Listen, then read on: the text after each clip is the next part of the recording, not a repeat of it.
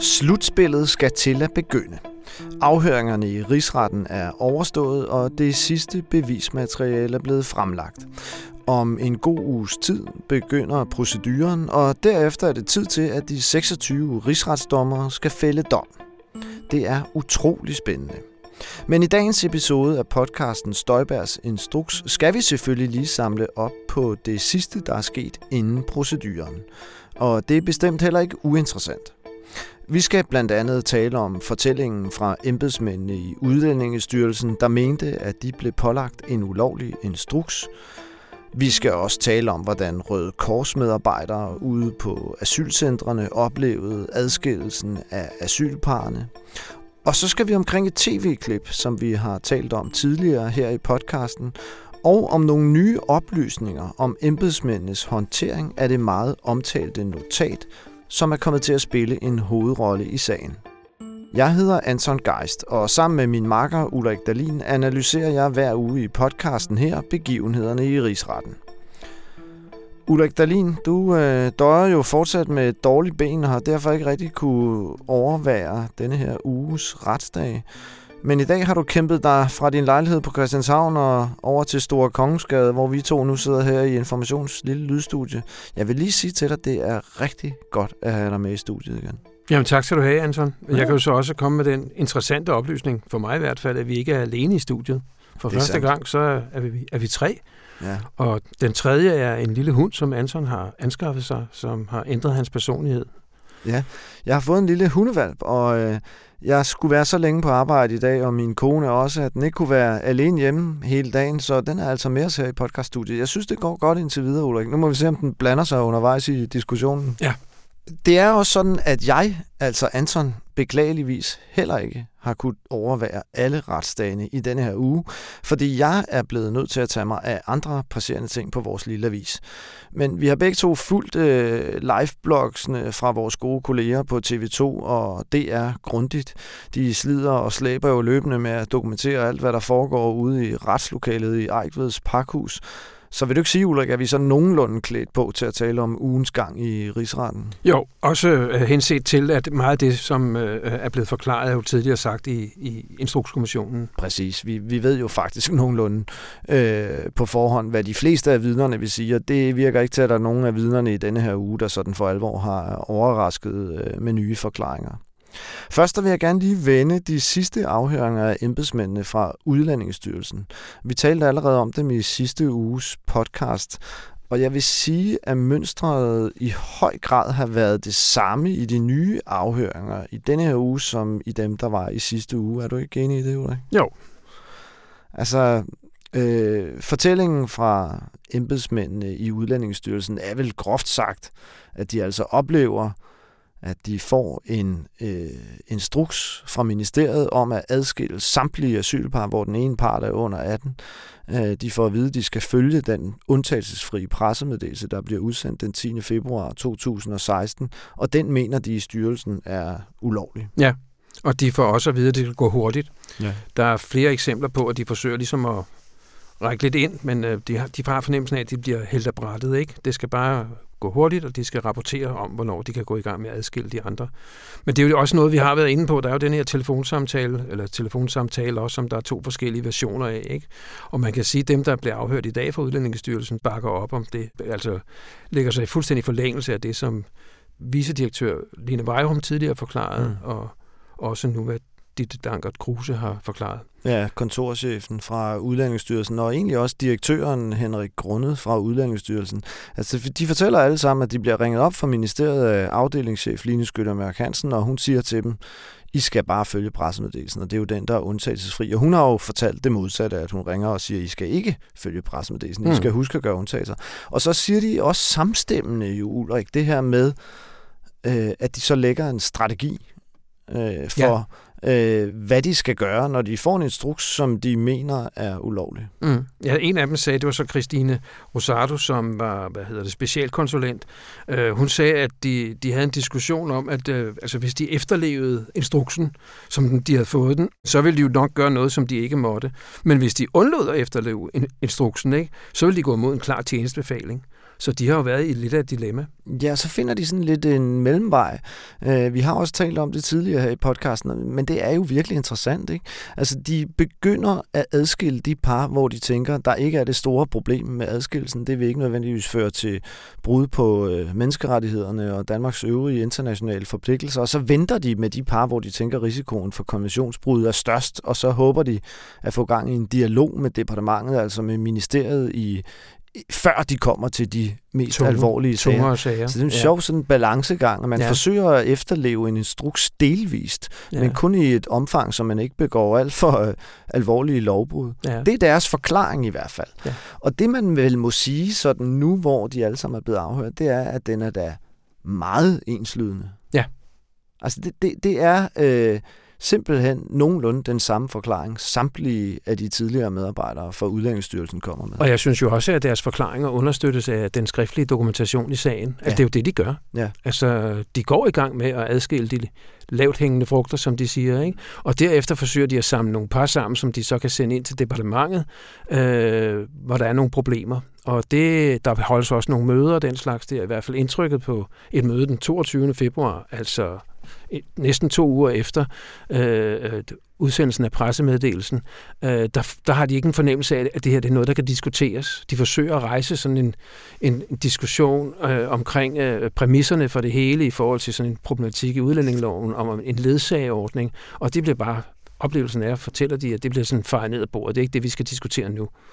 Ja, og på den måde er de jo meget gode til, kan man sige, at etablere, at styrelsen altså med en vis sandsynlighed øh, blev pålagt en ulovlig instruks fra ministeriet. Altså det der er i hvert fald mange, der er enige om i Udlændingsstyrelsen, og det forekommer relativt troværdigt i deres beskrivelse af telefonsamtalen, og som du siger, Ulrik, det skriftlige spor i sagen understøtter også i ret høj grad deres fortælling. Ja, altså nærmest 100 procent. Øh, men det her er jo en rigsretssag mod Inger Støjberg. Ja. Og det der er ved, ved de her embedsmænd i Udlændingsstyrelsen, det er, at de har jo ikke rigtig berøring med Inger Støjberg. Nej.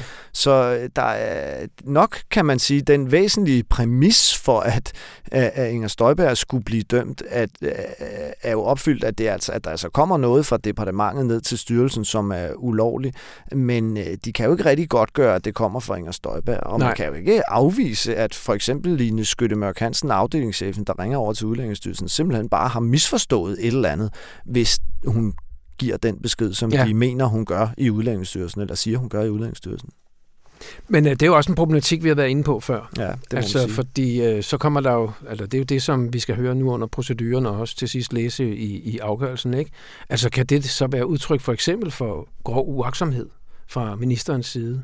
Altså hendes ja. system får jo indberetninger fra Udlændingestyrelsen, hvor de i mail efter mail efter mail beskriver, hvad det er, de gør. Vi mm. går i gang med det, og vi varsler flytning i samtlige sager, og ja. så videre, og så videre. Ikke?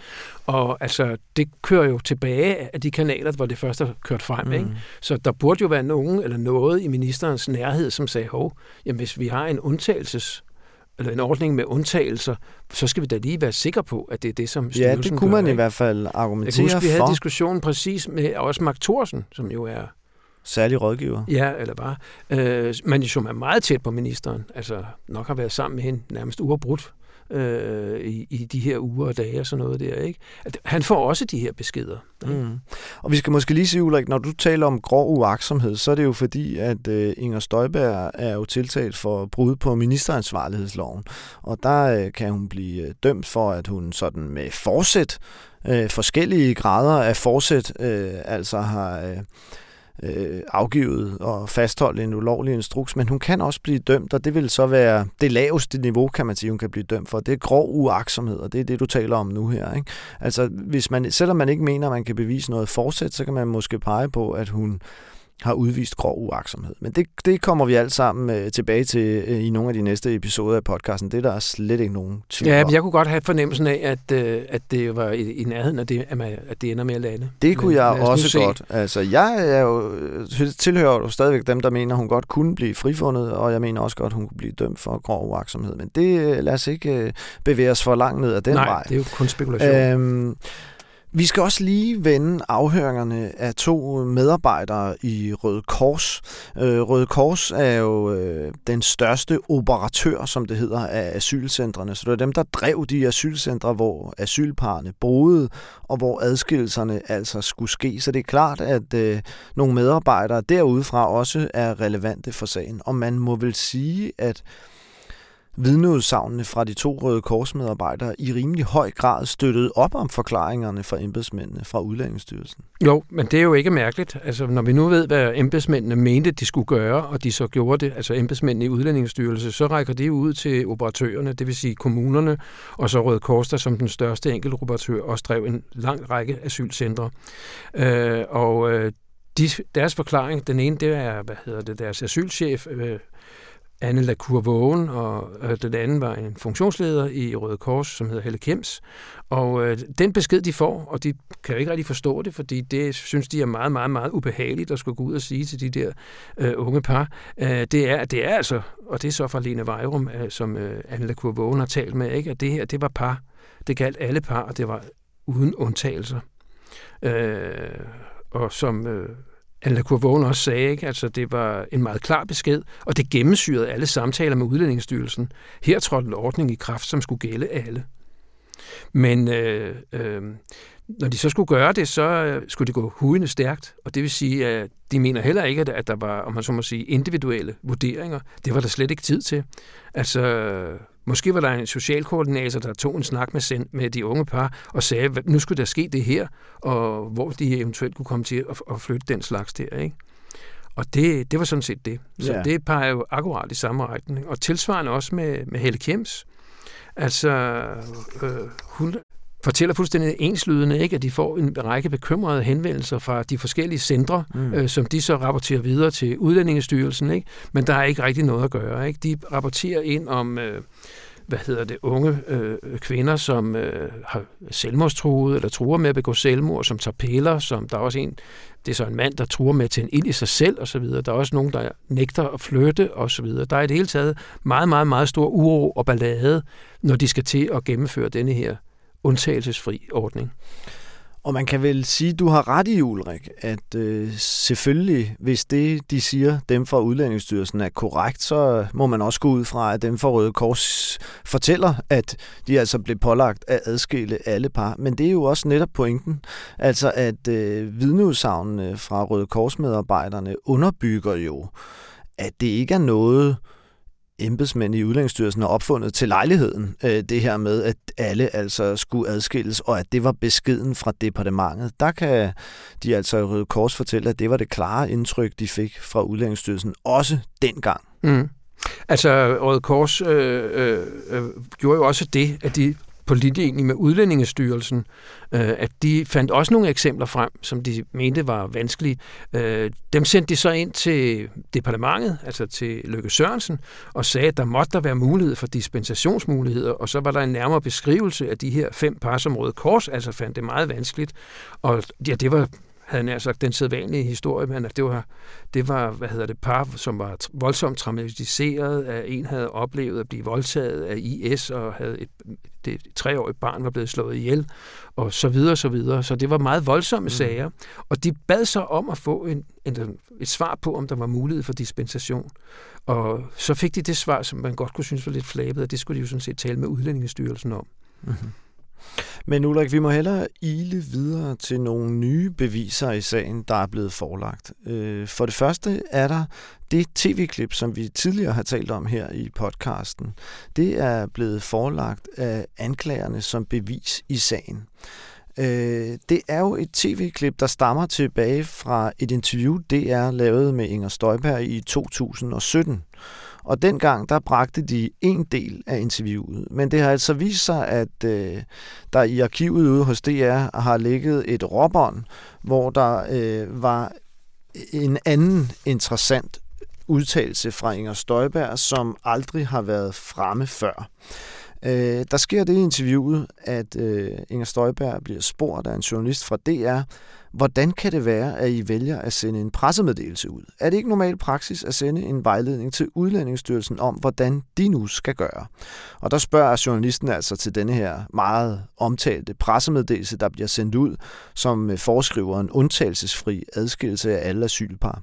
Inger Støjbergs forklaring om den pressemeddelelse har jo været nu i længere tid, at det var absolut ikke noget, man skulle administrere efter. Det var alene et sådan politisk kommunikativt værktøj. Skarpt skåret. Skarpt skåret. Der var ikke undtagelser med, men det var jo slet heller ikke meningen, man skulle administrere efter den. Det opsigtsvækkende er bare, at på det her spørgsmål fra DR-journalisten, der svarer Inger Støjberg, at det for hende ikke var så afgørende, hvad det lige præcis var for en type dokument, man sendte ud, men, siger hun, det vigtige for mig, det var at få kommunikeret helt klart, hvad det er, vi administrerer efter.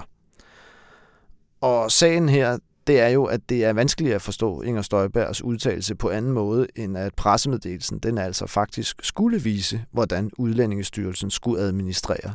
Og det er jo præcis også det, medarbejdere i Udlændingestyrelsen hele tiden har sagt. Hmm, og gjort. De har hele tiden forklaret, at de fik at vide fra departementet, at de skulle administrere efter pressemeddelelsen, og Inger Støjberg har i lang tid fastholdt, at det var bestemt ikke meningen. Men det viser sig altså, at hun tilbage i 2017 netop sagde, at man skulle administrere efter pressemeddelelsen. Og det er klart, øh, det er noget, anklagerne har fremlagt som bevis i sagen nu, hvor det er kommet frem. Det giver næsten sig selv. Måske skal man tage sammenhæng med, at hun siger det altså tilbage, spole tilbage der mm-hmm. til den 21. Mhm. maj 2017, mm-hmm. der har vi jo haft ombudsmandens beretning, øh, eller redegørelse fra marts, og så har der været øh, en periode, hvor Inger Støjberg har sagt, den tager hun til efterretning, og hun har fået et hak i kortet osv., men øh, den øh, tager hun øh, til efterretning. Og så sker der det, at Dagbladet Politikken kan afsløre øh, i nogle artikler, at der skulle have været en eller anden mail med en advarsel, der var gået op og ned i hendes øh, system, gående på, om øh, den her, hvad hedder det, pressemeddelelse skulle være med eller uden undtagelser. Ja, det er sådan konteksten. Og så det... samme dag giver hun altså interviewet til DR. Og man kan vel sige, Ulrik, at det er nok et tidspunkt, hvor Inger Støjberg ikke er så forberedt på, hvad hun skal svare på denne her type spørgsmål. Og det kan måske på den ene side bruges som argument for, at hun ikke, at hun måske kommer til at vrøvle lidt. Øh, omvendt kan man også sige, at øh, det kunne jo tale for, at det er altså et tidspunkt, hvor hun endnu ikke har tilrettelagt nogen god forklaring, der stiller hende bedst muligt, øh, men måske snarere siger det, som det er. Den mistanke kunne man jo have. Det er rigtigt man kan så se, hvordan ministeren, som jo ikke er blevet afhørt om det her i, øh, i rigsretten, hun har så udtalt sig både til DR og TV2, og der siger hun, at øh, det var en fortalelse.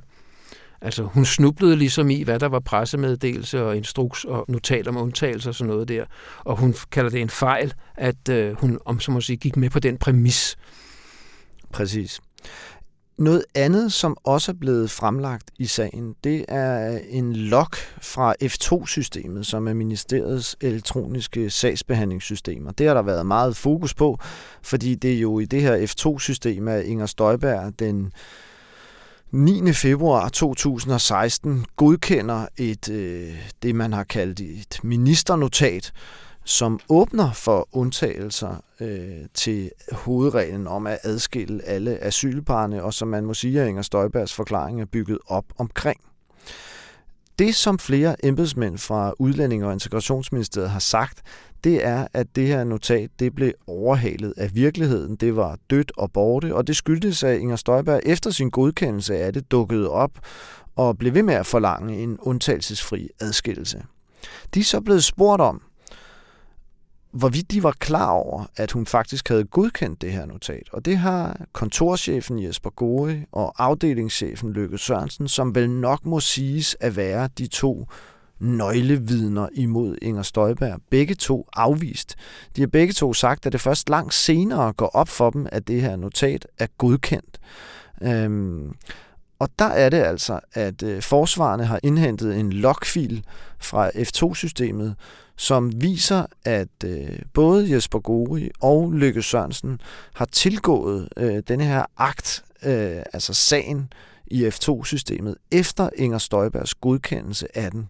Ja. Og øh, den viser meget klart, øh, Øh, når man går ind i den, den her sag, at den er godkendt af ministeren. Det fremgår på forskellige måder at det vindue, man åbner, når man åbner sagen, og det fremgår formentlig også allerede, før man går ind i sagen på selve øh, listen over sager, der er der formentlig en sløjfe på, som indikerer, at den er afsluttet og ministergodkendt. Hvis vi nu tager Jesper Gori først, så har han to gange inden det der møde, øh, den 9. februar, altså det møde, hvor han ifølge sin forklaring kommer med og skal forelægge en model, altså det her notat, og øh, øh, hans oplevelse er så, at den model med nogle mulige undtagelser ligesom bliver afvist af ministeren.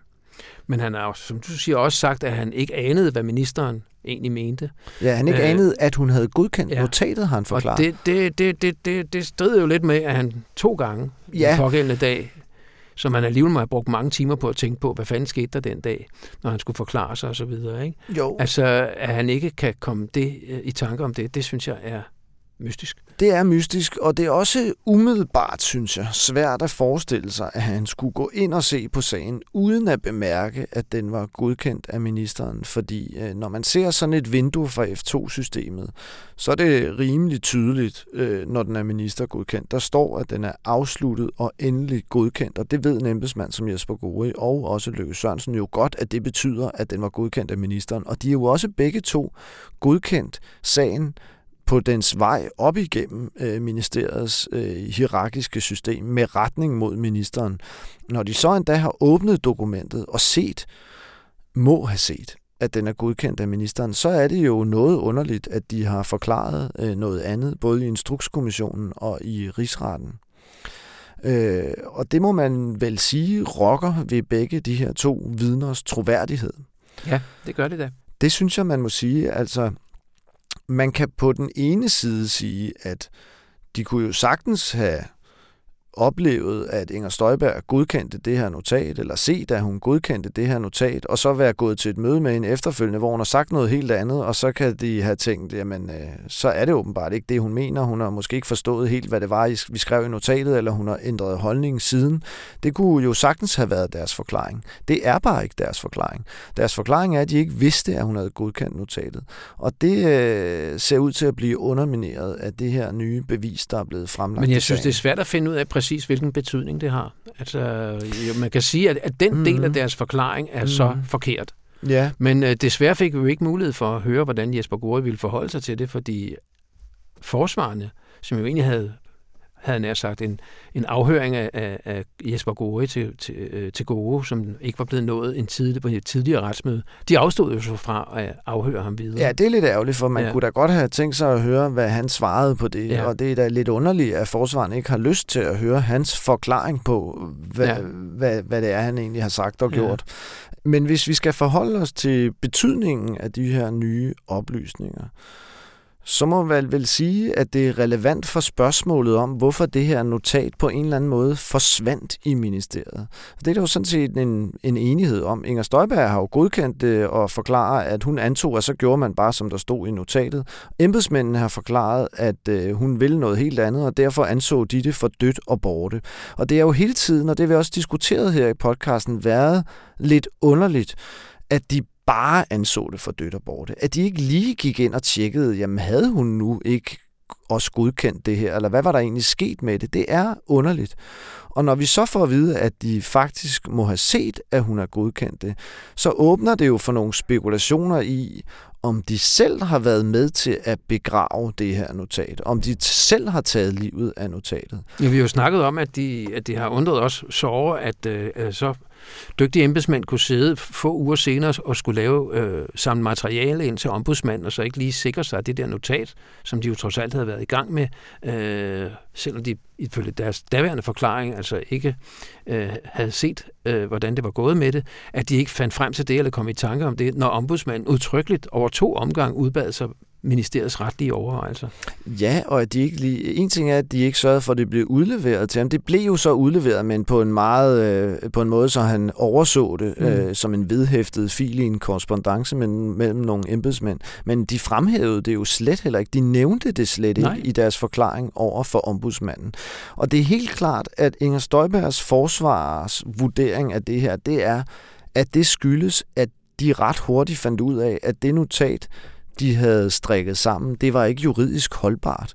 Øh, og det må man sige, det er til synlædende også rigtigt. Altså, der er en del vurderinger i det her notat, som ikke ser ud til at øh, holde vand øh, juridisk betragtet. Vi har jo været inde på den ene af dem flere gange. Øh, det drejer sig om det der med, at der ifølge notatet skal alle adskilles, men nogen skal ikke adskilles mere, end de godt kan bo på hver sit værelse på samme asylcenter. Ja, det var den ordning, man havde på et tidspunkt, men den finder man så i løbet af nogle uger i samarbejde med Justitsministeriet ud af, at den kan ikke ligesom reparere mm. på skaden. Og der kunne man måske godt forestille sig, at de her embedsmænd altså finder ud af, at det notat, de har øh, fået ministerens godkendelse af, det øh, holder simpelthen ikke vand juridisk, og derfor er de også med til at øh, begrave notatet. Ja. Det er jo ikke sådan, at det ikke fortsat efterlader Inger Støjberg med det forklaringsproblem, at hun i mange år slet ikke nævnte notatet, da hun skulle forklare sig om sagen. Og Inger Støjberg fik jo også for eksempel svaret til ombudsmanden til godkendelse, og hvis notatet var så vigtigt for hende, som hun har forklaret, så er det jo underligt, at hun ikke sikrede sig, at det blev omtalt over for ombudsmanden. Og endnu mere underligt, at hun ikke selv omtalte det i samrådene i Folketinget. Blandt andet var hun jo i Danmarks historiens længste samråd, hvor hun skulle svare på kritiske spørgsmål om denne her sag. Så det virker jo heller ikke som om Inger Støjberg Støjberg rigtig har været øh, videre opmærksom på, hvad det var for en notat, hun godkendte. Men under alle omstændigheder sidder man lidt mystificeret tilbage og tænker jo, som du har sagt nogle gange, Ulrik, når vi to har snakket om det her, at det er som om, der er en anden virkelighed bag ved de her forklaringer. Det er som om hverken Inger Støjbergs eller embedsmændenes forklaring om det her notat giver sådan 100% mening. Nej, man kunne godt have fornemmelsen af, at man var ved at lægge et puslespil, og så mangler det af og til nogle brækker. Ja. Øh, men sådan er det jo nok i denne her type komplicerede sager, hvor øh, der er sket rigtig mange ting, og rigtig mange har rigtig meget på spil, og der er meget modsatrettede interesser. Ja. Det kan jo blive spændende at se, hvordan rigsretten vil vurdere hvad, betydningen af det her for de, øh, troværdigheden af de vidneforklaringer, som Jesper Gori og Lykke Sørensen øh, har givet. Ja. Altså rigtig meget af deres forklaringer er jo også baseret på skriftlighed, der de har sendt mails til hinanden osv. osv. Ikke? Ja, det er faktisk øh, interessant, hvor meget øh, rigsretten kommer til at lægge vægt på de øh, mundtlige vidneforklaringer, der er blevet givet i rigsretten, kontra det skriftlige materiale. Der er jo et righoldigt skriftligt materiale fra dengang, mailudvekslinger osv., øh, som på nogle punkter fortæller en noget anden historie, end vidnerne gør i dag. Det skal blive spændende at se. Og det er jo i det hele taget øh, vældig interessant alt det her. Men lige om lidt, når anklagerne og forsvarerne skal til at procedere, så bliver det jo nok endnu mere spændende. Øh, det er som sagt om lidt over en uge, at det skal ske. Og det vil sige, at der ikke sker noget i rigsretten i næste uge. Men bare rolig, podcasten her, den holder naturligvis ikke pause, for der er stadig en hel masse at tale om. Faktisk så kunne vi også i denne her uge have talt en masse om, hvad der skete med alle de par på centrene, som det hele jo i virkeligheden handler om. Men eftersom vi har lavet en hel episode tidligere i podcasten her tilbage i december sidste år, specifikt om parne ude på centrene, så tænker jeg, at vi lader det ligge i denne her omgang. Men I kan jo gå tilbage og finde podcasten, og det er bestemt interessant. Du lyttede til Støjbergs Instruks, hvor Ulrik Dalin og jeg selv, Anton Geist, hver uge diskuterer ugens begivenheder i rigsretssagen mod Inger Støjberg. Du kan finde os i din foretrukne podcastafspiller. Podcasten er klippet sammen af Anne Pilegaard, Rasmus Bo Sørensen er redaktør, og vi høres ved i næste uge.